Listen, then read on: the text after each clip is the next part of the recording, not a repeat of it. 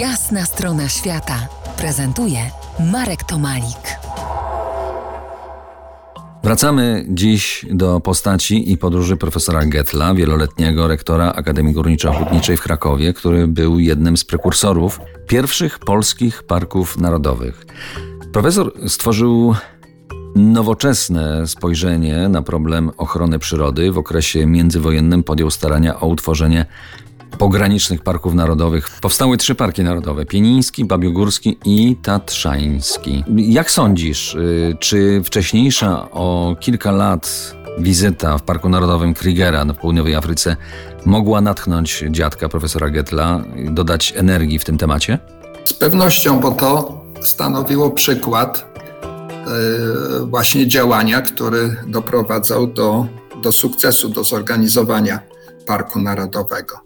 Y, były już y, takie doświadczenia, bo utworzono w Stanach Zjednoczonych y, Park Narodowy Yellowstone, więc wszyscy takie próby chronienia najcenniejszych miejsc przyrodniczych podejmowali.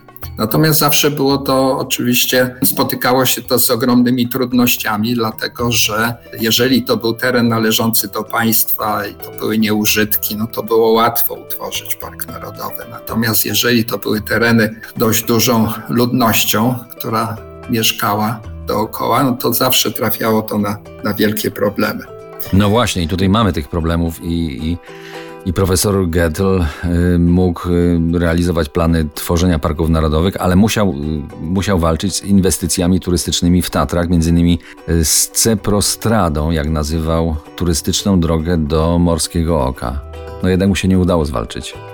No tak, tu były, było takie stronnictwo, kierował nim Bobkowski, zresztą kolega z NART, dziadka, który lansował taką teorię, że zagospodarowania Tatr w taki sposób właśnie dla narciarzy, dla turystów, że będą budowane hotele górskie, dancingi, żeby po jeździe na nartach można było zjechać od razu do hotelu, pójść do restauracji. No i zaczęto te Tatry zabudowywać. Protesty przyrodników były wielkie, także w pewnym momencie się, przy, kiedy zaczęto budować kolejkę na Kasprowy Wierch, wtedy kierownictwo Ligi Ochrony Przyrody z profesorem Schaferem po prostu y, poddali się do dymisji.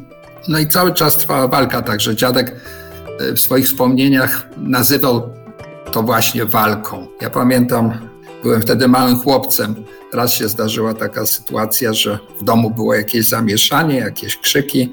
Później się pytałem dziadka, co się stało. Okazało się, że przyjechał do Krakowa ktoś z Zakopanego, proponując mu, właśnie dziadek był wtedy przewodniczącym Rady Parku, zaproponowano mu, że koniecznie chcą mieszkańcy wybudować hotel i restaurację w Dolinie Chochołowskiej.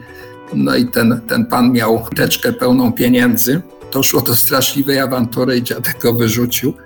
No i takie zakusy cały czas były. Ciągle trzeba wszystkim tłumaczyć, że to jest tak mały obszar, Taczański Park Narodowy i tak cenny, że to się po prostu nie da wybudować więcej. Profesor Walery Gettel zostanie z nami, między innymi upamiętni go mural na terenie miasteczka studenckiego w Krakowie, a my do rozmowy wrócimy za kilkanaście minut.